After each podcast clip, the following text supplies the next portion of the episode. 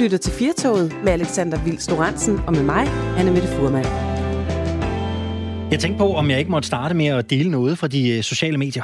Jo, du ja, må. Ved du hvad, jeg gør det lige. Ja. Øh, Det er sådan set min, øh, det er min, det er en oplevelse fra i går, Ja. som, øh, som, øh, som jeg tænkte, jeg lige ville, ville læse op her. Ja. Jeg skriver følgende på de sociale medier her. I nat drømte jeg, at et af mine favoritsværtshuse i København var genåbnet, hvilket jo by far er det tætteste på en våd drøm, jeg er kommet længe i de her sociale distancetider. Så vågner jeg og indser, det er mandag i morgen, men hvem husker egentlig efterhånden, hvilken ugedag vi har? Vejret er gråt, en måge har overskidt min lantan, og mælken i mit køleskab er blevet for gammel. Således opmuntret, god søndag. Ja, Tænk, at en mand, der kunne føles dejlig. ja. Men det gør den i dag, oven på den søndag.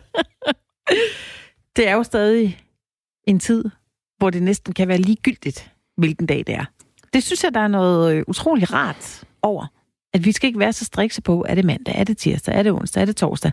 Det flyder sammen. Men det er egentlig okay. Jeg var bare glad for, at der var en måge på min altan, så følte jeg, at jeg havde en snært af selskab. Fordi du er stadig meget alene. Og så havde jeg noget at give mig til. Jeg Ja. skurede hele altanen. Ja, det er skønt. Det trængte den til. Nu er det mandag i dag, og hvis jeg lige må bemærke det her vejr, det er ikke godt. Og vi har væltet os i solskin. Vi har godt nok været i en krise og i en suppe af lockdown. Men det har dog været solskinsvejr. Nu regner det. Det begynder at blive gråt. Der er meldinger om, at vi kommer ind i en periode med meget regn. Det ved jeg ikke, hvordan det er. Nå, hvad tænker du egentlig om det? Fordi det er jo træls at være i lockdown, når vejret er godt, og man i virkeligheden skal holde sig øh, derhjemme. Ja. Nu blæser det. Det støvregner lidt. Mm. Hvad tænker du? Jeg synes, det er lidt ligesom at tisse i bukserne. Altså, man øh, kigger og tænker, ah, det er da godt, at øh, det regner, fordi så behøver jeg da ikke sidde og have dårlig samvittighed over, at jeg ikke kan komme ud. Men det var ikke så lang tid, så begynder det bare at blive surt, når det er også er gråt oven i en lockdown. Ja. Men, Men- jeg, lad os holde fanen højt denne mandag i uge, hvad? Syv? Jeg Uge tror, vi begynder uge 7 nu. Uge 7000 i lockdown. Der kan man jo bare glæde sig over, at måske kommer vi snart ud. Der er dog en, en, en, en, en lille, hvad hedder sådan en, øh, Klokke. sådan en, en lille klokke, der ringer og siger, om lidt må I komme ud, om lidt må I komme ud. Jeg synes, den klokke bliver, den kommer tættere og tættere på. Og øh, i dag, der øh, var det jo næsten ligesom den der weekend, hvor, øh, hvor køerne blev sat på græs. IKEA er åbnet. Og Mm. så er det ellers bare ud i MPV'en, ud i familiekaren, ja. og så direkte ud i megacentret, Ja. ud til IKEA, Jamen, ud og købe, ud og købe, ud og købe Altså- kasser, der hedder Knep og andre sjove ting. Jamen, det er, altså, hør nu her, der er så mange butikker, man kan støtte. Der er så mange øh, private, øh, der sælger møbler. Der er Den Blå Avis, hvor øh, folk jo øh, sælger ud af deres ting, fordi nogen mangler penge. Støt dog dem så. Hvad skal vi ude i det varehus, ud over at købe deres pølser bagefter, kan eller du ikke. deres kanelsnutter? Det er kan man ikke lukket. købe det så? Du kan ikke få sødboller og gretsås. Kunne man ikke lige købe det, der har været på frost? Det kan man måske ikke. Det ved jeg ikke selv, at de er på frost. Det er faktisk ikke klar Ja, over. ja, det gør, de da. det? Ja, og også der shitbuller, dem kan du købe på frost. Så Det du kan tage ikke. dem med hjem og lege, at du er i IKEA. Jo, det er rigtigt, det kan du. Men jeg, jeg er nysgerrig på, hvad i alverden det er så vigtigt at, øh, at købe de møbler for lige nu. Ikke desto mindre, så slog øh, IKEA altså dørene op i samtlige fem af deres øh, danske varehuse i dag. Og det er noget, øh, danskerne har ventet på, for der var jo nærmest øh, kø fra morgenstunden derude. Det var der i hvert fald i, øh, i to af de store øh, københavnske afdelinger af IKEA, nemlig den i Højtostrup og den i, øh, i, i Gentofte. Mm. Og øh, det var faktisk så slemt på Vestegnen, at politiet kom ud for at tjekke, at der nu også var styr på tingene. Hvis man skal tro på de rapporter, der er kommet tilbage, jamen øh, så holdt folk altså pænt afstand. Men øh, en øh, magnet, det har IKEA i hvert fald været i dag. Der er synligheden mange, der i de sidste 14 dage har gået og savnet et kurvemøbel, eller hvad man nu ellers skal købe. En, en reol, der er svær at samle. Ja, men øh, efter sigende var folk gode til at holde afstand, eller hvad, siger du? Yes. Ja, det var okay. Der var bare rigtig mange mennesker. Fordi øh, jeg var inde i et øh, fire butikker i weekenden, og øh, to af dem, der fik man bare lov til at gå ind. Der var ikke nogen, der stod i døren og sagde, hov, der kan kun være otte ad gangen. Øh, og der øh, kommer man jo ud i en situation, hvor man ikke kan holde afstand, fordi folk, mm. Der er for mange. Så man, man render rundt og snor sig igennem tøjstativer og du ved, går lidt til siden, og så er der nogen, der bliver ligeglade, hvor den ene butik, der måtte man så pænt vente på, at der kom to ud, så kunne der komme to ind. Det er jo også, altså, ja, vi skal holde afstand, men jamen, så lad dog være med at lukke 45 mennesker ind i en butik, hvor man ikke kan holde afstand, altså. Jeg havde en nu? specifik oplevelse her i weekenden, en meget speciel oplevelse. Jeg blev råbt af for første gang af coronapolitiet Nå, for det. her i Aarhus. Jeg vil. Jeg var ude at gå. Øh, jeg skulle øh, egentlig bare ud og trække noget frisk luft. Jeg kommer gående på, øh, på fortoget her et sted i Aarhus, hvor der kommer et ældre ægtepar gående på samme fortog. De spørger mig så, om jeg ikke har lyst til at trække til siden, så vi kan holde afstand. Altså, så skal jeg gå ud i et, ud i, i, i hvad hedder det, ud i rabatten. Jeg skal ud i ja. rabatten, ja. lige præcis. Hvor jeg jo bare tænker, jo jo, altså det, det gør jeg da bare. Hvor jeg har sådan, altså prøv at høre, det kan I da selv gøre. Ja. jeg synes, der var fin afstand. Hvorfor ja. er det mig, der skal ud i rabatten? Ja. Men jeg, jeg tror, jeg blev sådan lidt befippet af at blive i talsat af coronapolisen der. Det har jeg ikke prøvet før. Nej. Folkepolitibetjentene ja, er trukket i uniformen. Ja. Det var løbetights i det Aha. her tilfælde. Aha. Åh oh, ja. Vi kender dem alle. De midaldrende i løbetights. Ja, dem, og så vil jeg oh, også... Ja. Og det, nu det, det er selvfølgelig en fordom, men øh, jeg synes, der er øh, mennesker, der ligner nogen, der er lidt øh, omkring en 60-70 år. De kan også godt være en lille smule regelrette og råbe lidt højt. Min søn blev råbt af. Nej. Også han kom på løbehjul. Og, øh, og han, han var lige foran mig. Og der, øh, der blev han simpelthen råbt af, at øh, hvis han skulle opholde sig udenfor, så skulle han i hvert fald holde afstand. Og han, det, det var ligesom lidt umuligt for ham at flytte sig, fordi der var et hegn, han kunne ikke komme forbi. Så må han da køre ind i hegnet? Ja, det, måtte han, det kunne han. kunne ikke komme. Så kunne han i hvert fald ikke holde de her to meters afstand, der skulle være. Men øh, det er det, der det, det bringer det her op i folk jo. Mm. Ja. Det, jeg synes i hvert fald, det var interessant lige at opleve det, øh, Anne Mette. Det var, det, var meget, det var meget spændende. Men øh, vi bliver også nødt til at tale om, øh, fordi da jeg sad her fredags alene, der talte jeg jo om, at der muligvis kunne være opholdsforbud mm. på vej i Danmark. Der var det stadig noget, der ligesom var en hypotese. Ja. Det var noget, vi talte om måske kunne ske, fordi man særligt i øh, København, omkring øh, Nordhavn og omkring Islands Brygge, havde bemærket, at folk sad en lille smule tæt, og de sad der rimeligt mange. Mm. Der skulle ikke gå ret lang tid, fra jeg sad her fredag eftermiddag og sendte til, at vi faktisk fik øh, opholdsforbud. Men det var jo ikke København, det første sted var. Det var øh, La Kolk på Rømø, ja. hvor der kom et opholdsforbud. Den havde jeg ikke lige set komme. Nej, men der er jo mange, der solen skinner det i weekend. Altså, ja, til synlædende. Ikke? Det kan folk jo ikke øh, rigtig styre, men der er lidt mærkeligt, synes jeg, det lige var der. Jeg mener... Der har nok været gang i sommerhusgæsterne, givetvis. Ja. Men det var det første sted i Danmark, vi fik et, et opholdsforbud. Jeg er faktisk i tvivl, om det er, øh, om det er ophørt øh, på Rømø øh, lige nu. Det var vist kun et, et par dage. Det er jo sådan noget med, at man kan, man kan give det her øh, forbud op til en uge eller noget i den stil. Man kan også sætte det kortere. Mm. Men i København, der kom der jo også et opholdsforbud netop ved den øh, famøse Islands Brygge, hvor folk ja. jo har haft øh, tendens til at sidde og nyde vandet. Det er jo også et dejligt sted. Ja, det må man sige. Godt. Islands Brygge opfører sig som en teenager i weekenden. Åh, oh, ja, ja. Det siger vi ikke må. Men pyt med det. Det gør vi bare alligevel. Ja. Det har vi ret til. Solen skinner. Der sker ikke noget. Og hvad skete der? Bum. Der blev, udskrevet, der blev udskrevet bøder i en lindstrøm. I den grad, ja. og det har jo været en del af, af, af mediemøllen den her, den her eftermiddag, eller den her weekend, undskyld, fordi der er jo mange, der har, der har ytret, at de måske har undret sig lidt over, at de har fået bøder. Der var blandt andet en, en historie om en, om en mor, øh, der havde været på tur med, med et barn, øh, som havde opholdt sig lidt ved en legeplads, og så var der altså faldet, var det 2.500, tror jeg, det ja. kostede at, at overskride det her, det her opholdsforbud, ja. og de bøder er der jo faktisk blevet skrevet øh, nogle stykker ud af ja. den, her, den her weekend. Der var øh, to kvinder, der også kunne berette om, at de havde været i øh, lavkagehuset og købt nogle kager, og så var de stoppet op på gaden, og så skulle den egentlig vise noget øh, på mobiltelefonen, og så stoppede de op. De fik altså også en bøde. Og det er jo en af de ting, vi gerne vil tale med dig om i dag her i, øh, i Firtoget. Hvad siger du til, at øh, politiet har udskrevet øh, bøder i så høj grad under opholdsforbud? Du har måske været øh, omkring Islands Brygge selv. Hvem ved? Hvis ikke du har, må du også gerne skrive eller ringe ind alligevel. Vores øh, telefon er åben indtil kl. 17. Du øh, ringer bare på 72 30 44 44 eller sender en sms. Du skriver R4 og så din besked, og den sender du afsted til 1424.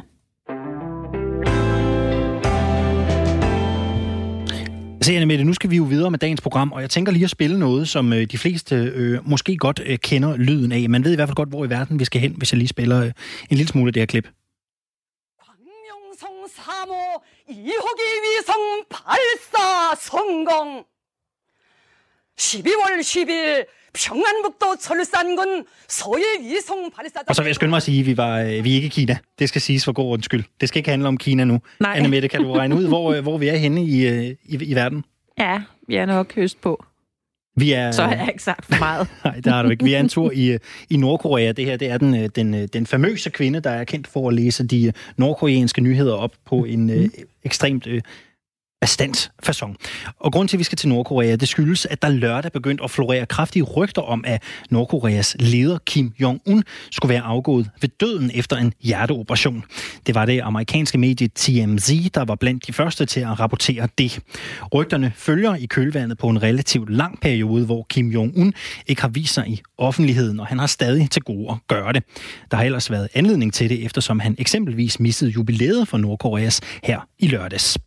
Kim Jong-un har efter sine haft helbredsproblemer siden efteråret, der skyldes blandt andet overvægt og rygning, og operationen skulle være kulminationen på de problemer. Siden da er der blevet spekuleret over alt på internettet og i medier om diktatorens status og hvorvidt rygterne er sande. Nu er rygterne så blevet modsat, modsagt undskyld, af Nordkoreas naboer i Sydkorea. Den sydkoreanske præsidents udenrigspolitiske rådgiver Moon Chong-in fortæller til CNN, at Kim Jong-un er i live i bedste velgående. Ifølge den nordkoreanske menneskeretsaktivist Yeon Mi Park, som flygtede fra landet i 2007, rapporterer, at øh, Kim Jong-un hverken er død eller syg, men at han i stedet gemmer sig af frygt for at få coronavirus. Hun melder, at Nordkorea er hårdt ramt af coronavirus, til trods for, at der ikke er rapporteret nogen tilfælde i landet. Nu kan vi sige god eftermiddag og velkommen til dig, Anders Christensen. Ja, goddag. Du er formand, hej, hej. For, du er formand for Venskabsforeningen mellem Danmark og øh, Nordkorea. Ja. Den hedder formelt Venskabsforeningen Danmark, den demokratiske folkerepublik Korea. Anders Christensen, øh, ja. start med at lade os høre, hvordan reagerede du, da du øh, først hørte rygterne om, øh, om Kim Jong-un? Ja, jeg var meget forbavset, fordi det er jo en ung mand, så jeg tænkte, det er da ikke tiden til, at han skulle, skulle risikere at dø. Så det, det, det første, jeg tænkte, det var, det, det må være et falsk rygte. Det har vi jo set før. Både hans, hans farfar, Kim Il-sung, blev også erklæret død mange gange, mange år før han døde, og, og det samme med Kim Jong-il. Så jeg tænkte, det, hans, altså Kim Jong-uns far, Kim Jong-il, blev også erklæret død flere gange. Så det, den historie kendte vi jo fra tidligere, så jeg tror ikke på det. Men øh, man ved jo aldrig, det er rigtigt, han er jo overvægtig og, og storryger. Så man, det, det, er klart, den, den, den tanke, det, den strejfede man, at det kunne være rigtigt, men øh, jeg tror ikke på det. Nu nævnte jeg jo nu nævnte jeg her i introen, at det jo var et amerikansk medie, det amerikanske medie TMC, som var blandt de førende til at, at, at rapportere øh, om, om den her historie. Når, når du hørte, det kom fra, fra sådan et sted, sådan et medie, gjorde det noget særligt ved, ved din overvejelse om, hvorvidt det her kunne være sandt eller falsk? Ja, det, det gjorde nok et, indtryk af, at det, det var falsk når det kommer fra det amerikanske medie, der taler, der, taler om det. Hvorfor, Men altså, hvorfor siger det, du det? Det har jeg ikke, ja, men altså, det har jeg jo ikke rigtig mulighed for. Hvor har de det fra og så videre, så det, der er mange modstridende. Det var der allerede fra starten, da det kom frem, var der allerede mange modstridende meninger, og, og, og også fra eksperter, som er tæt på, som øh, sagde, at det er, tyder ikke på, at det er tilfældet. Han har jo været syg før og fraværende før, hvor det var noget banalt, altså man så bare gjorde, at han ikke var uarbejdsdygtig, men hvor han kom tilbage, og det kan jo også være tilfældet denne gang. Så det, det, Anders Christensen, da du, da du hørte de her rygter, øh, jeg kan så forstå, at du, øh, at du var rimelig øh, bevidst om, at det måske ikke var sandt. Altså, var du, var du bekymret? Hvordan, hvordan reagerede du sådan følelsesmæssigt på at få, at få de her nyheder overbragt? Ja, altså, jeg, følelsesmæssigt var jeg selvfølgelig nervøs, fordi uh, Nordkorea er et udsat land på mange måder. De er jo, altså udover corona, coronavirusen, der kører øh, på verdensplan, så er det jo et land, der er ramt af sanktioner og med massive øh, sanktioner, både fra FN og fra USA, som står i spidsen for det, og også amerikanske militære trusler, der har været øh, hvad hedder, militære øvelser i Sydkorea vendt mod Nordkorea i overvis, og, og, så man prøver at udsulte landet. Så det, den måde er de jo på mange måder udsatte, øh, og det tænkte jeg, åh nej, altså, vi skal vi også have det her problem oveni, at deres ledere går hen og dør. Så det er da klart, det, det, det, det rørte mig da, fordi det er jo nogen, vi er venner med og støtter, fordi de står og går deres egen vej, og det øh, synes vi er en, en rigtig god ting, at man ikke bare følger øh, den liberale vej, liberalismens vej og USA's vej og så videre, men at man vælger en anden øh, samfundsudvikling. Og det, hvorfor skulle det, skulle det trues nu? Det, det, det var jeg, tænkte, det var rigtig ærgerligt, hvis det er tilfældet, men øh, der er jo ikke noget, der tyder på, at det er sådan, heldigvis. Hvis Kim Jong-un skulle øh, tage afsked med livet, så ville det være hans søster, Kim Yo-jong, som øh, udenbart lader til at være først i, i geledet efter ham. Hvorfor tror du, folk regner med, at det bliver hende? Ja, det er jo fordi, at øh, hun har jo de, de samme, altså samme forældre og samme farfar, Kim Il-sung, der er landets øh, befrier og grundlægger. Øh, det, øh, det er også inde i hendes farfar, og, og hun er også øh, datter af Kim Jong-il, den tidligere leder i landet. Så det betyder meget, hvis man er i lige linje, øh, er, er, barn af, at lederne af landet, den der, der hedder, befrierne af landet mod den japanske besættelse, og den der grundlag i landet, jamen, så har man en helt særlig status. Det har jo noget at gøre med den og den øh, kultur, der er i, i Korea, som vi også kender andre steder i Østasien, den konfucianske øh, kultur, som jo betyder, at der er med noget, noget helt særligt. Det er jo også det, derfor, at Kim Jong-un har haft øh, stor succes med, med opbakning fra befolkningen, fordi man ser, hvis man er lige linje i, i blodets bånd tilbage til Kim Il-sung, så er man noget særligt. Og det er også en, en garanti for, at øh, der er en samlende figur, der kan holde, holde, land, holde sammen på landet mod de trusler, der kommer udefra. Så det tror jeg, det er rigtigt. Hun er, det er jo noget, det, hun er, er sikkert en, en, en kandidat til at blive leder, øh, hvis det er, at det går så galt, at Kim Jong-un han dør. Det, det er der ingen tvivl om. Hvad vil du egentlig synes om, at Nordkorea fik en, en ny leder? Jamen, jeg vil da ønske hende eller ham til lykke. Det, det er der ingen tvivl om. Det, vil jeg, det, det må jeg jo tage til efterretning, hvis det var sådan, det var. Så det, det, det, det, det vil jeg bakke op. Altså, hvis det er en, der kan føre den linje videre, som Kim Jong-un har stået for, og fået landet på fod igen efter øh, de, de 10 under år, hvor der var øh, hungersnød og så videre, så, så vil jeg det, det, det må, så vil det være sådan, så vil jeg bakke det op. Og også en, øh, Kim Jong-un har jo også stået for, øh, hvad hedder det, han er blevet respekteret på verdensplan, han har kunnet mødes med USA's præsident flere gange, og med andre øh, topledere i øh, statsledere øh, i verden, både Rusland og Kina og, og andre. Så øh, hvis, han har ligesom fået landet på, på, på, på man sige, anerkendt, et, et, et land, man kan respektere, i stedet for at være et par i land. Øh, og hvis hun eller han efterfølger kan føre det videre, så vil det være noget, jeg selvfølgelig kan støtte. Der har været ret stille fra Nordkorea. Burde de ikke bare gå ud og afmontere rygterne, hvis, øh, hvis det intet har på sig? Jo, det kan man godt sige. Altså, det, det er jo ikke sådan, at de skal afmontere alle mulige rygter, der kører. Øh, det, det kan jeg ikke lige sige. Altså, det, det gør de det, som, regel, som regel tager de jo til gen, genmale, hvis der kommer nogle, nogle besked, nogle falske rygter om landet. Øh, men altså, det har de så ikke valgt at gøre endnu. Det kan være, det kommer. Vil du have det bedre med at have vidsthed om, hvad der sker, end at, øh, end at styret klapper helt i? Nej, det, det, jeg, jeg vil da gerne have vide, hvad der sker, men altså, jeg respekterer, at de har deres grunde til, at de ikke kommenterer det endnu. Det, det, må man, det har det sikkert nogle gode grunde til. Øh, og hvis det er tilfælde, at han er død, så skal de jo have tid til at forberede, hvad der så skal ske bagefter. Det er jo noget, der må, i hvert fald må, må, må komme meget uventet, fordi han er jo en ung mand i, slutningen af 30'erne. Det er synes... det, man regner med.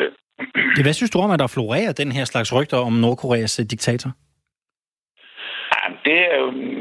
Det, det tror jeg, det er et forsøg på at destabilisere landet. Så der kører i forvejen jo masser af demoniseringskampagner, hvor man ligesom siger, at Nordkorea det er nogle farlige, uterrenlige mennesker, og det, øh, nærmest som ikke, ikke rigtige mennesker, man skal tage alvorligt.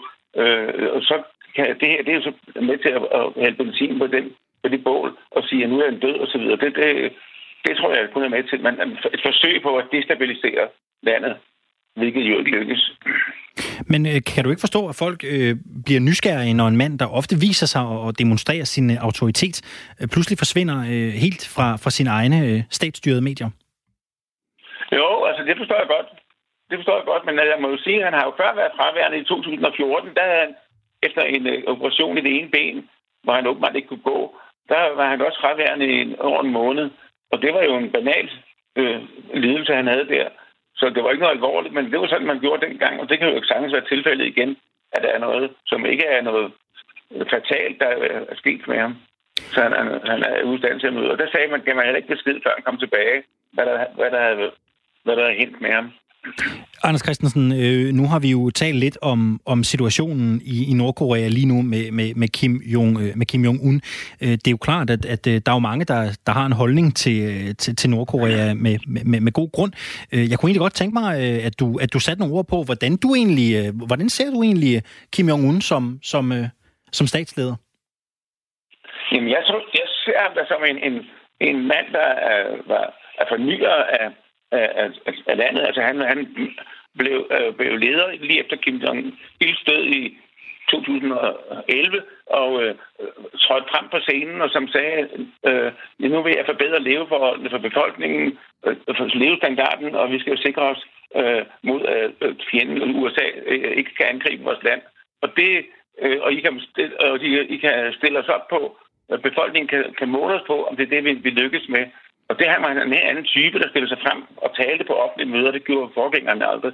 Så der var stor optimisme, og han førte jo også linjen videre. Så hungersmøderne blev afskaffet, og, og øh, øh, vi så et helt andet Nordkorea under de, de otte år, der har været med Kim Jong-un indtil nu. Og han har så også øh, kom, kom på, på den med at kunne mødes med de store, øh, med, med ved det, præsidenter fra de store lande i verden. Så øh, det, det, det, det må man sige, det, det har da været positivt helt vejen igennem. Man har fået stoppet USA's voldsomme krigstrusler, der var i 2017, hvor man Trump han øh, troede med at, at fuldkommen udslette Nordkorea osv., hvor de så i gengæld blev afløst af en dialog, fordi Nordkorea så også samtidig var, var i stand til at opbygge et uh, tilstrækkeligt afskrækkende atomforsvar, som jo på alle måder jo er, er, er noget, vi er modstandere af, altså atomvåben, men det var noget, man har været nødt til, fordi at USA gør det tilsvarende, har gjort det i overvis. Men, men det, det var han, det er han i stand til, og, og han er på talefod med, med, med, med det der tidligere fjende med USA. Han er på talefod med Kina og, Nord, og hvad hedder, Ruslands præsidenter. Så det, jeg vil sige, på mange måder har han jo været med til at, at, at skabe en positiv udvikling for Nordkorea. Men der er jo stadigvæk mange problemer, som han står for, især med, med den massive blokade, der er lavet, så sanktionerne. Du er formand for, for Venskabsforeningen mellem Danmark og, og Nordkorea. Er ren nysgerrighed, hvor mange medlemmer er der i Venskabsforeningen?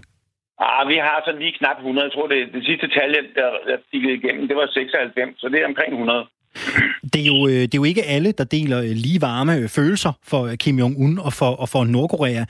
Kan du sætte nogle ord på, sådan en ren interesse, det her, det her venskabsforhold mellem, mellem Danmark og Nordkorea, som, som, som I jo gerne vil bidrage til, hvad, hvad, hvad bunder det i? Hvad, hvad, hvor kommer øh, interessen og, og, og, og den, her, den her støtte fra? Ja, altså nu er jeg jo 70 år. Det stammer tilbage fra, da der var ungdomsoprør i, i, i Vesten, i Vesteuropa og USA på verdensplan også, øh, hvor, hvor der var krig i Vietnam, og hvor vi så fik øjnene op for, jamen det er jo ikke kun i Vietnam, det er mange andre steder i verden, at der er, vi ser USA og, og, og så, så USA-imperialismen og andre imperialistiske lande prøver at, at dominere over øh, folk, der prøver at kæmpe for deres selvstændighed. Det så vi i Vietnam i tv, men vi så det, man fik også øjnene op for, at det skete jo i Korea også. Korea var også delt, ligesom Vietnam, med et øh, militærdiktatur, et fascistisk militærdiktatur i Sydkorea og Nordkorea et socialistisk land, som valgte deres egen vej, selvom det var socialistisk så var det ikke i lommen på Sovjetunionen eller lommen på Kina. De har valgt deres egen vej. Det synes vi er rigtig flot, og det er også derfor, at en af årsagerne til, at vi overlevede murens fald og øh, kollapset i Østeuropa og Sovjet. Og det, var, det har vi jo helt tiden synes, og det er rigtig flot, at man, det er det, den koreanske socialisme, som, som gør, bygger et samfund op på deres egen forudsætninger og grundlag, og ikke lade sig styre af nogle store magter. Øh, det har vi helt tiden synes var rigtig flot, og det kæmper for en god sag om, at, øh, at man skal genforene landet. Det er jo ikke sådan, at de siger, at Nordkorea det, de har nok i sig selv. De vil gerne genforene Korea, som er en lykkelig historie for det koreanske folk af stormagterne tilbage i 1945 øh, kunstigt delte landet. Så det, der, på den måde har vi jo masser af grund til at, at, at både at vi udtrykke venskab og, og solidaritet med det koreanske folk. Og jeg kender jo så også mange, der jeg har rejst over omkring 35 gange, og kender mange i Korea. Det er jo også med til at styrke det, jeg kender jo, ser jo tingene fra deres side, når jeg er der, og ikke, som bestemt ikke passer med alle de, de rygter og, og, og historier, der kører øh, om Nordkorea. Der er en lytter, der har skrevet ind til os, øh, tænk, på, øh, tænk på befolkningen i, i Nordkorea. Øh, jo før øh, Kim Jong-un ikke er i landet mere, jo bedre. Altså, hvad, hvad tænker du, når, øh, når, når, når lyttere byder ind med, med sådan et synspunkt? Er det nogen, der har misforstået øh, forholdene, eller, eller kan du forstå øh, frustrationen? Nej, men det, sådan nogle historier har jeg jo hørt masser af. Øh, det er der mange, der mener, det, det ved jeg godt. Altså den krig, som øh, psykologisk krigsførsel, øh, som er, bliver ført massivt imod Nordkorea, den har USA jo og de vestlige, vestlige lande jo for længst vundet. Altså der er jo ikke nogen tvivl om, at hvis USA angreb Nordkorea, så vil de fleste, øh, de fleste øh, øh, øh i offentligheden sige, øh, jamen det var godt, de gjorde det, for vi ved, det, er, det, var et ondt diktatur osv. På den måde er, er fører fører USA er dem, der vil, øh, de konservative kræfter i Sydkorea, der vil jeg håber, at der kommer et, et, et regimestyrt. Øh, de, de fører jo den kamp. og, og med det alle de historier, og det, det, det er bare en, et, et eksempel på det, det du siger der. Så lød ordene fra Anders Christensen, der altså er formand for Venskabsforeningen mellem Danmark og Nordkorea. Tak skal du have, fordi du havde lyst til at være med på Radio 4. Ja, tak for det. Selv tak. Du lytter til Radio 4. I dag har vi øh, spurgt dig, der lytter med her i Firtoget. Hvad siger du til, at politiet har udskrevet bøder i øh, så høj grad under opholdsforbud? Vi har fået nogle øh, sms'er ind fra Ulrik, der skriver angående bøder. Er det ikke for tidligt, at de udskriver dem? Efter de billeder, vi så på TV2 på Islands Brygge, så ser det ud, som om de havde brug for en IK-test, i stedet for en coronatest. Uh. Au, for den da. Det var Ulrik, der har sendt den afsted. Så har vi øh, fået en fra David, der skriver, folk skal bare slappe af med det der line politi. Vi bliver hverken mere eller mindre syge, at det er panik. Og det er jo det, vi øh, spørger dig om i dag. Enten om du har været øh, en af dem, der måske var omkring Islands Brygge i weekenden, eller på øh, Rømi, hvor der også har været opholdsforbud. Hvad tænker du om det her med, at politiet øh, udskriver bøder i så høj grad? Det kan du ringe ind til os med lige nu. Vi sidder klar ved telefonen frem til klokken 17. 72 30 44 44 er det nummer, du skal ringe på. Ellers skal du sende os en sms. Du skriver R4, laver et mellemrum, kommer med din besked og sender den afsted til 1424. Vi skal videre til en, der øh, har taklet nogle kriser på en, øh, en, øh, en ret effektiv måde. Og på grund af den her coronakrise, så er alting jo vendt øh, op og ned. Vi har bevæget os rundt i en, i en suppe af uvidenhed, og vi ved heller ikke rigtig helt, hvornår krisen stopper. Speaker og iværksætter Mille Sjøgren er en af dem, der har startet virksomhed op to gange under en krise i 2008 og igen i 2012, da hun flyttede til Spanien med sin familie. Hun fortsatte sit arbejde som speaker, skrev artikler, opstartede podcasten Den Digitale Nomade. Hun skrev en bog og rejste jorden rundt. Nu har hun så igen startet en virksomhed op, nemlig Free Living, som er et øh, community, der er for alle de mennesker, som vil noget andet end at arbejde 9-17. Mille Søgeren, velkommen til i Firtoget. Tak skal du have. Tak, man, kan vist, man kan vist roligt sige, at du er en, der har ret stor erfaring i at bevæge dig ud på ukendt grund, og så øh, få det bedste ud af det. Det er jo en, en situation, der kan være lidt skræmmende for mange af dem, som, øh, som holder meget af hverdagen. Og nu er vi jo så ja. tvunget ud i en hverdag, som er usikker og ubekendt. Hvad har du selv lært om at skulle øh, befinde dig i en krise? Jamen altså, øh, det, det kræver jo, at man kan lide at være i lortet, som jeg siger. Altså derude, hvor vi går ud og uden for vores comfort zone på en eller anden måde. Men det er heldigvis også noget, man kan lære. Altså, jeg har lært rigtig meget af de forskellige kriser, vi har haft. Øh, den første krise var jo i 2008, som de fleste af os nok husker øh, hvor jeg blev fyret, og jeg faktisk stod med en fyreseddel i den ene hånd, og øh, så stod jeg med en positiv graviditetstest i den anden hånd. Au. Og det var jo, øh, ja, det var sgu lidt op ad bakke, og ligegyldigt hvor jeg egentlig søgte hen, så øh, fik jeg smækket en dør i hovedet, eller sådan føltes det i hvert fald på daværende tidspunkt. Så jeg blev nødt til at genopfinde mig selv. Jeg blev nødt til at finde ud af, hvad, hvad kunne jeg egentlig? Hvilke kompetencer havde jeg? Hvordan kunne jeg sætte dem sammen på en ny måde og skabe en virksomhed? Mm. Og det gjorde jeg. Øh, tog en ny uddannelse blandt andet og skabte lille speak, hvor jeg både øh, leverede øh, speak til blandt andet reklamefilm og lydbøger og e-learning osv. Og, så videre. og, så, øh, og så begyndte jeg at skrive artikler også, og skabte mig en virksomhed ud fra det. Ja, og nu har du, du ja. har startet den op to gange under en krise. Ja. Igen i 2012. Ja. Altså, var det ligesom den krise, du var i, som, som gav dig det her ekstra spark til at sige, nu skal den have en over hatten? Altså, man kan sige, der var ikke krise i 2012, men der valgte jeg at gøre noget andet i mit liv. Jeg valgte simpelthen at sige, Øh, jeg kunne godt tænke mig at genopfinde mig selv på ny, fordi jeg synes, at øh, det hverdagen kunne byde på med to små børn i Danmark. Rigtig nok eventyr for mig og min mand, så han øh, lavede faktisk også, øh, han er uddannet biolog, øh, så han startede faktisk op som videnskabsjournalist på daværende tidspunkt. Så vi skabte to freelance-forretninger og flyttede med to små børn til Spanien, og, og derfra videre ud i verden, hvor vi så levede og arbejdede på farten af. Øhm, så det var ikke, fordi det var en krise på daværende tidspunkt, men det kan man jo sige, det er lige her nu. Og her 1. marts, der satte jeg så min nye øh, virksomhed i værksomhed freeliving.dk, som netop, som du sagde i indledningen, at til alle os, der vi noget andet end 9-17. Mm. Og, jeg, og denne her gang startede jeg ikke op med det formål at starte op i en krise. Lad os bare sige det sådan. Men den fik du bare i medgift. Ja, yes, den fik jeg helt fra ærende selv. ja. øh, men, men kriser kan jo noget, fordi de, de kan faktisk de kan rigtig meget. De kan også meget lort, men de kan også mange gode ting. For der sker det i kriser, at vi bliver nødt til at tænke anderledes. Vi bliver nødt til at være kreative. Vi bliver nødt til at være innovative. Vi bliver nødt til at sige, okay, jeg har det her produkt, det fungerer ikke. Hvad gør jeg så? Så bliver jeg nødt til at gøre noget andet. Og øh, du kan også se i forhold til de mennesker måske, der lige nu bliver fyret, de har også muligheden for at genopfinde sig selv, at finde på nye måder at være i verden på, at finde ud af, er jeg i det rigtige sted? Hvad er mine værdier? Hvordan vil jeg leve og arbejde?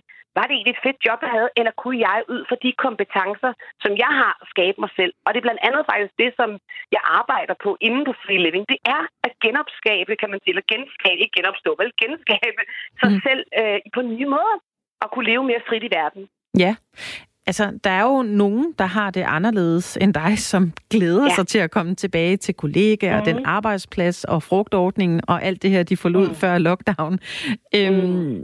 De kunne måske også godt blive inspireret sådan bare i det små, ja. men der sidder måske ja. også nogen, som efter den her lockdown har lyst til at, at vende skuden og arbejde med noget helt andet. Altså, hvad er et godt råd ja. til dem, inden man så kaster sig ud i et, et nyt liv?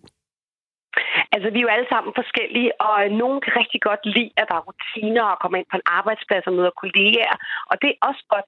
Men der er også nogen er, som godt kan lide, at det er på en mere fri og fleksibel måde. Og det har vi jo lært lige nu, at det kan godt lade sig gøre.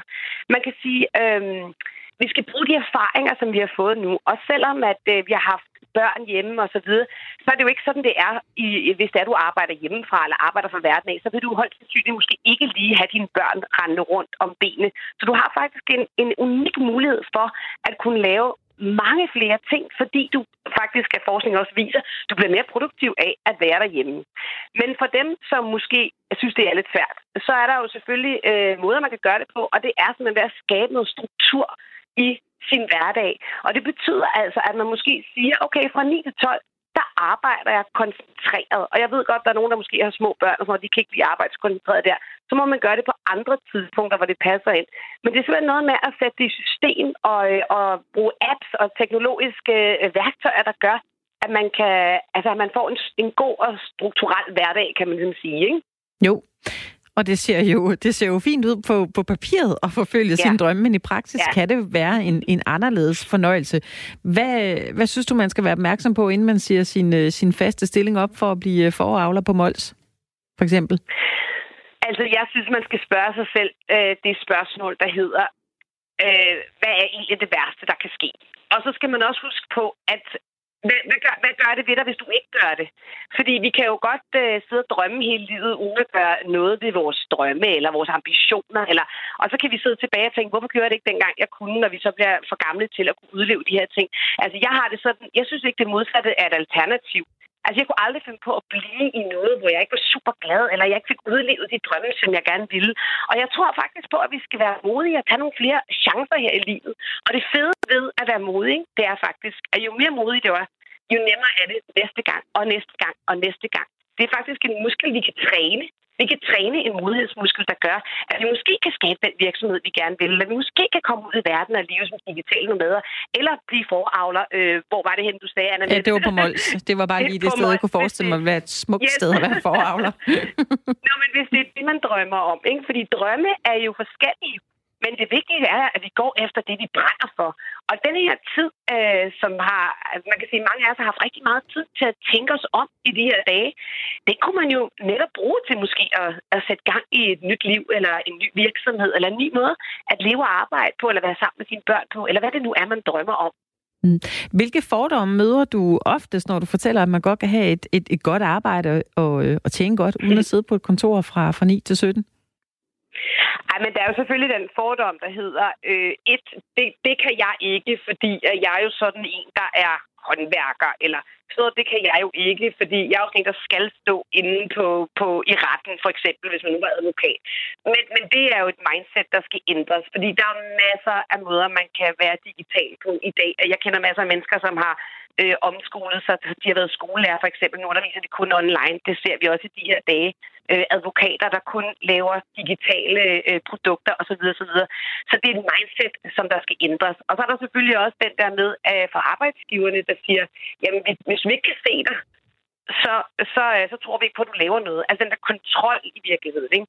Øhm, og det er en kæmpe fordom, som vi skal have nedbrudt i vores samfund, fordi det er ikke det, det handler om. Det handler jo om, skaber du værdi for din virksomhed, eller skaber du ikke værdi for din virksomhed. Det er jo fuldstændig ligegyldigt på hvilket tidspunkt af døgnet du arbejder, så længe du skaber værdi for din virksomhed. Og det er helt klart en fordom, som jeg, som jeg støder på rigtig, rigtig ofte. Mm.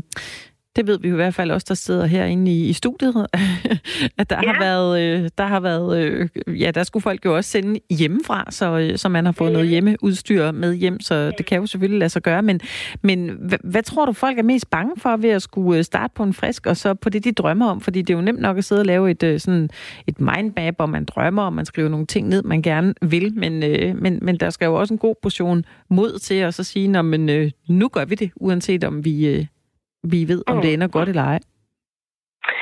Altså, jeg tror ikke, at øh, man, jeg tror ikke, at man skal gå ind med en indstilling, at det er nemt nok, vel? Fordi det er ikke nemt nok. Det er altid svært at skulle genopfinde sig selv. Det, altså, transformation er jo altid svært. Vi skal ud der, hvor det ikke er sjovt, hvor det er ubehageligt, hvor vi er uden for vores comfort zone.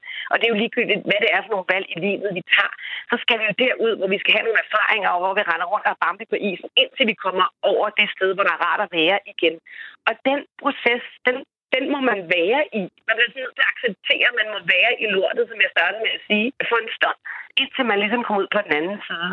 Øh, men det er jo, altså man kan sige, at for mange mennesker handler det jo rigtig meget om tryghed. Det handler om at være bange for at give slip på det, de har, fordi de ikke ved, hvad de får.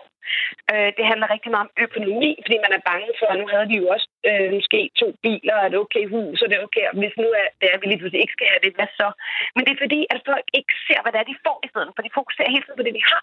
Og jeg tror, at hvis der man skal ud i noget nyt, så skal man egentlig fokusere på, hvad er målet, hvad er missionen, hvad er den frihed, jeg får ved at gøre de her ting, eller hvad er det for en oplevelse, jeg får ved at rejse jorden rundt, eller hvad er det for en connection, jeg får med forne, hvis det, hvis det er det, der er ens livsmål. Ikke? Jo. Og jeg tror, det er noget, man holder fokus på bolden, i stedet for hele tiden at tænke på, hvordan man går glip af. Mille, du har sammen med din mand jo rejst øh, jorden rundt og skulle samtidig tjene penge og have jeres øh, forretning ja. op at køre, og mm. du skulle hjemmeskole dine børn. Øh, en udfordring, ja. mange står i lige. Ja, i online-skolen, præcis. Ja. Øh, så du har jo selv skulle øh, tænke på øh, mange måder, man kan arbejde digitalt. Oplever mm. du en større sådan øh, nysgerrighed omkring det, du laver lige for tiden, hvor rigtig mange mennesker har været nødt til at søge øh, digitale løsninger for at kunne, øh, kunne arbejde bedst muligt. Altså, oplever du en større nysgerrighed? Ja, selvfølgelig, det gør jeg. Altså, verden blev remote overnight. Og øh, det er klart, at øh, i min familie er vi nok lidt længere fremme og har et forspring end for mange andre familier, fordi vi har prøvet det så mange gange før. Mine børn er totalt vant til at åbne deres computer, gå på Trello, finde deres opgaver, øh, have læreren på fra øh, Spanien af, mens de sidder i Panama eller Cuba, eller hvor de nu har rejst til dem. Så for dem er det jo egentlig en helt naturlig, øh, hvad kan man sige, situation. Vi landede lige på Bali samme dag, der var lockdown, hvor de faktisk også var blevet undervist online i, øh, i fem uger derudefra. Så det er klart, det, det oplever jeg lige nu. Jeg oplever både en frustration, fordi der er mange, der synes, det er svært, og så oplever jeg også øh, nogen, der synes, det er fantastisk, det der med, at de selv kan bestemme over deres egen tid, og være sammen med deres børn, og ikke skulle skynde sig ud af døren om morgenen, osv. Øhm, så der er, jo, der er jo også mange, der har skulle arbejde rigtig, rigtig meget, samtidig med, at de har børn hjemme. Og det vil sige, det er svært. Det kan man ikke. Vi valgte også, at vi rejste rundt, at arbejde øh, kun 4-5 timer om dagen, og så var resten eventyr og sjov og ud i verden og lære af verden og worldschool af vores børn og os selv i øvrigt. Men, øh, men, men det er klart, det er jo en skid. Du skal, det er jo noget med at lære, hvordan er det, vi gør her? Hvordan er vi sammen som familie øh, under de her omstændigheder? Og Det er ikke noget, man lærer fra den ene dag til den anden. Det tager helt klart tid. Mm. Og hvis man har fulgt dig lidt, så ved man også, at man nok man godt må have lov til at være lidt øh, frustreret en gang imellem, selvom man sidder et, et smukt sted. Fordi den løsning, hvor man skal samarbejde konstant, som jo også rigtig mange familier er i nu, den er tilladt at blive frustreret over. Og det er da skide besværligt nogle gange. Det vil jeg sige, nu fungerer internettet jo i Danmark heldigvis øh, ret godt. Øh, men når du sidder inde i Panamas jungle, og du har en deadline her klokken to, og det hele bare overhovedet ikke spiller, ikke? så er der nogle gange lidt stress på. Men det, er jo, men det er jo også noget, man skal lære at håndtere, og det gør man så også. Og, øh, og det er også en del af det at uh, leve og arbejde remote, i hvert fald for verden af. Mm. Tak skal du have, Mille Søgren, for, øh, for dette lille indspark i en øh, digital verden. God dag. Selv tak, Anne Mette. Hej, hej. Hej. Vi spørger, hvad danskerne siger til øh, de bøder, der blev udskrevet i dag. Der er blevet opholdsforbud flere steder i øh, Danmark. Her i løbet af øh, weekenden, der blev faktisk måske lidt overraskende erklæret opholdsforbud første gang, eller kolk på Rømø. Ja. Og øh, derefter Islands Brygge, det er måske knap så øh, overraskende, fordi det er jo ligesom der, vi har set billeder af, øh, af danskerne. Det er det, det, der, de blandt andet har haft lidt svært ved at holde afstand, og der har også været rigtig, rigtig mange mennesker. Så øh, skal jeg ellers love for, at bødeblokken er kommet frem. Øh, det koster jo 2.500 at bryde det her øh, opholdsforbud, og derfor spørger vi i dag, hvad I egentlig siger til, at, øh, at politiet nu har fået øh, bødeblokken frem og begyndt og øh, sådan for alvor uddele bøder i den her coronatid. Tommy skriver ind til os, det minder mest af alt om en øh, politistat. Og Helle er lidt i den anden grøft. Øh, hun skriver, altså det vil jo virke underligt at have en lov, som ikke gælder alle. Ja. Og dermed menes det jo selvfølgelig, at, øh, at alle må være lige for loven, og det vil sige, uanset om man spiser et rundstykke foran øh, en bager, så skal man have en bøde. Hvis man har sine børn med og opholder sig ved, på en legeplads i området, så skal man have en bøde. Det er jo, øh, det er jo i den grad et tema, der er blevet diskuteret her i øh, den, i den, i den forgangne weekend. Og vi har plads til mange flere indspark. Anne Mette, vi vil jo rigtig gerne høre, hvad folk siger til. Det Politiet har fået gang i bødeblokken. Man kan ringe herind til os. 72 30 44 44 72 30 44 44. Man kan også skrive til os. Det kan man. Du skriver R4, og så din besked. Den smækker du sted til 1424. Let's get this straight now. I never fucked anybody over in my life. Didn't have it coming. You got that? All I have in this world is my balls and my word. And I don't break them for no one. Do you understand? That piece of shit up there, I never liked him. I never trusted him. For all I know, he had me set up and had my friend Angel Fernandez killed. But that's history. I hear he's not. Do you want to go on with me? You say it. You don't? Then you make a move. Ja, det her, det var jo uh, Donnie Montana fra Scarface. Eller Al Pacino, som uh, han jo hedder i virkeligheden. Og Al Pacino, han har rundet et skarpt hjørne i weekenden. Han fyldte nemlig 80 år, Annemette. 80 stærke år. 80 stærke. Hold op. Og øh, han er jo især kendt som øh, Michael Corleone i øh, The Godfather-filmene. Og øh, så har han været nomineret helt otte gange til en, øh, til en Oscar, hvor den nyligste var tidligere i år for hans rolle i øh, The Irishman. Og så fik vi ham jo her i rollen som øh, Donnie Montana fra Scarface. En fantastisk film.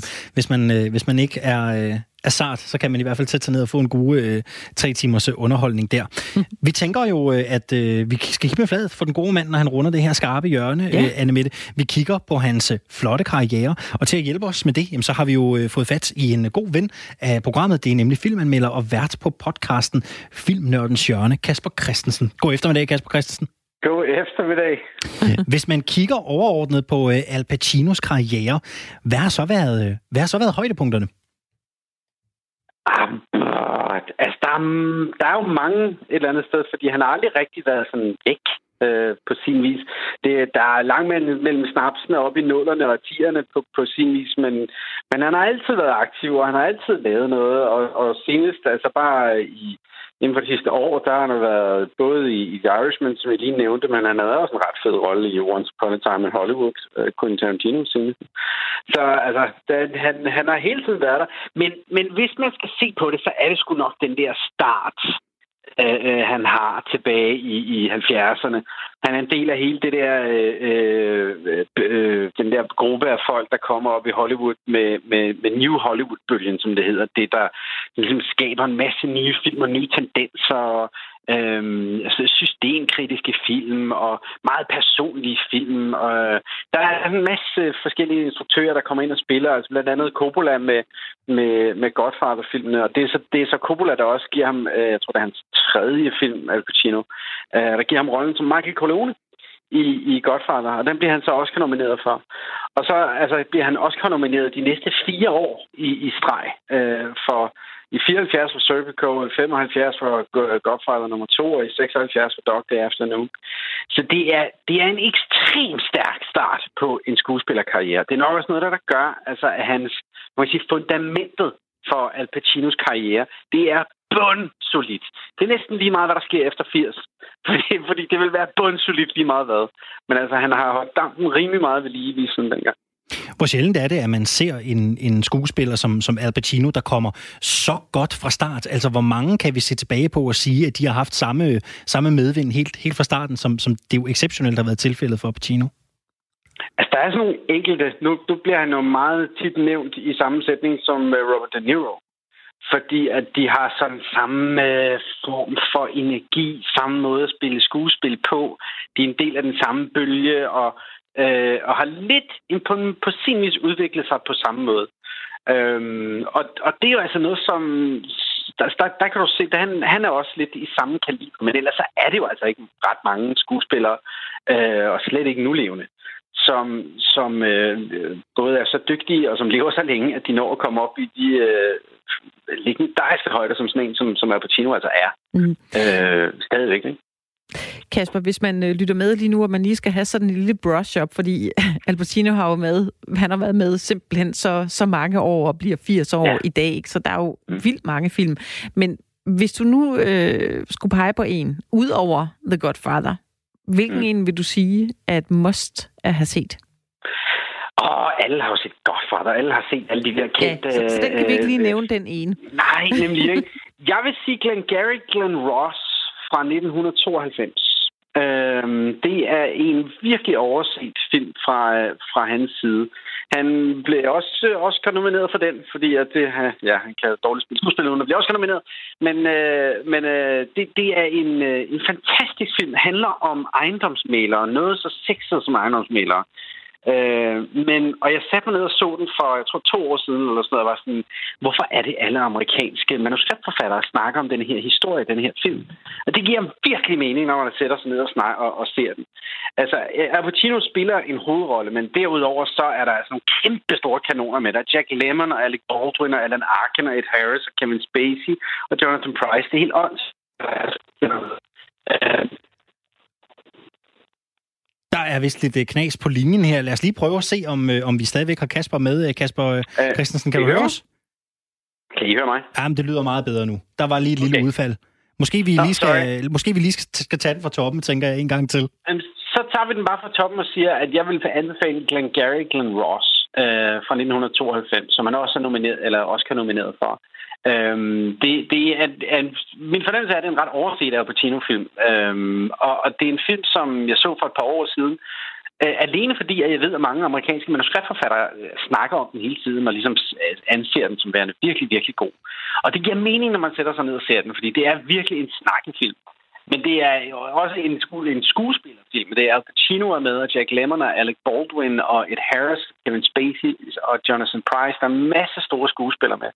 Men, men Al Pacino fører ligesom anden i, i en hovedrolle.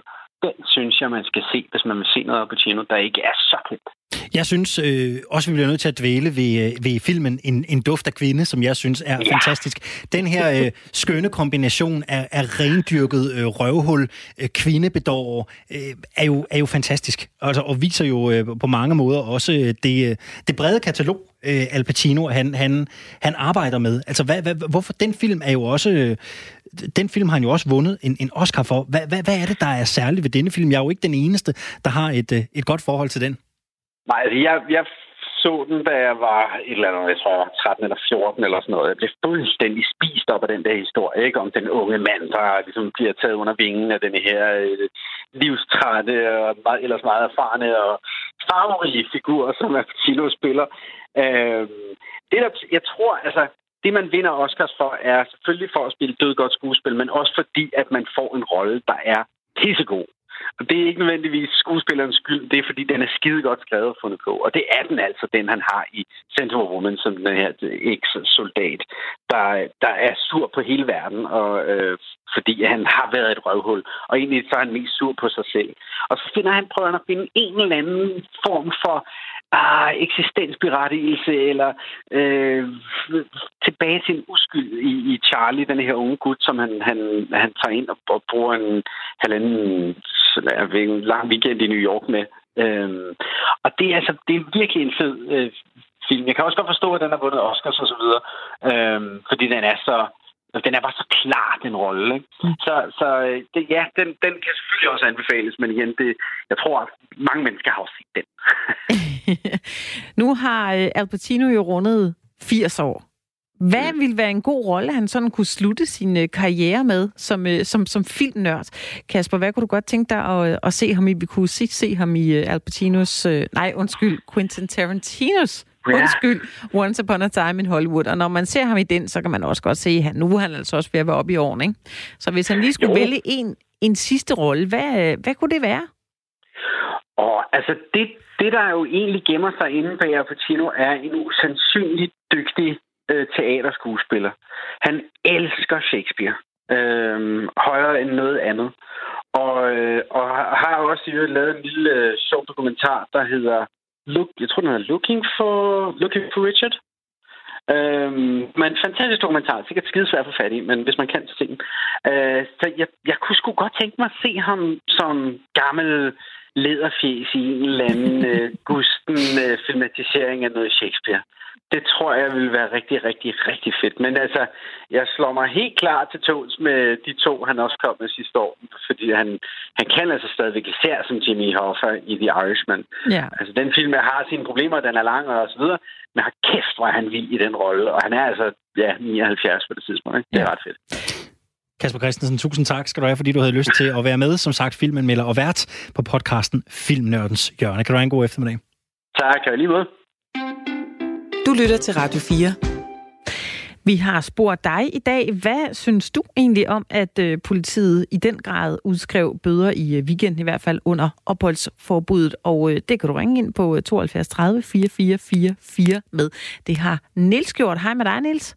Hej med jer. Hvad tænker ja, du? Ja, ja, jeg kunne jo ikke lade være. Men, øh, men øh, jeg vil bare sige, at øh, jeg hørte i formiddag øh, i jeres radio, at øh, der var en politiker inde, øh, der sagde, at øh, politiet, de havde godt nok fået de der beføjelser til at give de der bøder, og, øh, og nu havde de også været ude vist med fladet længe nok, øh, kunne jeg høre, der var en af politicheferne, der, der nævnte noget om, så nu blev der altså skrevet bøder ud.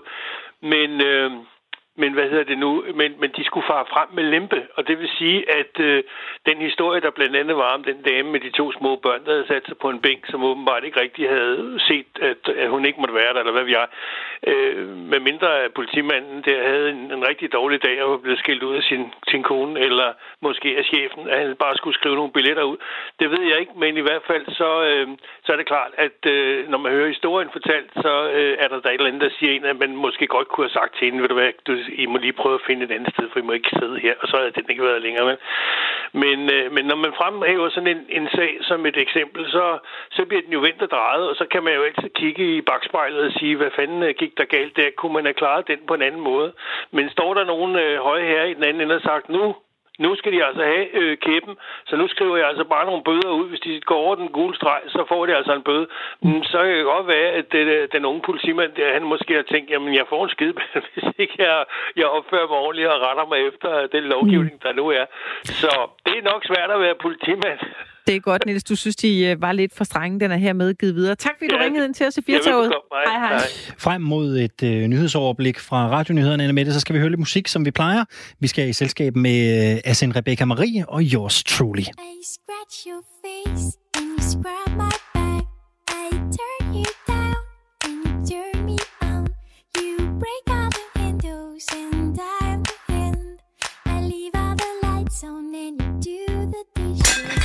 You're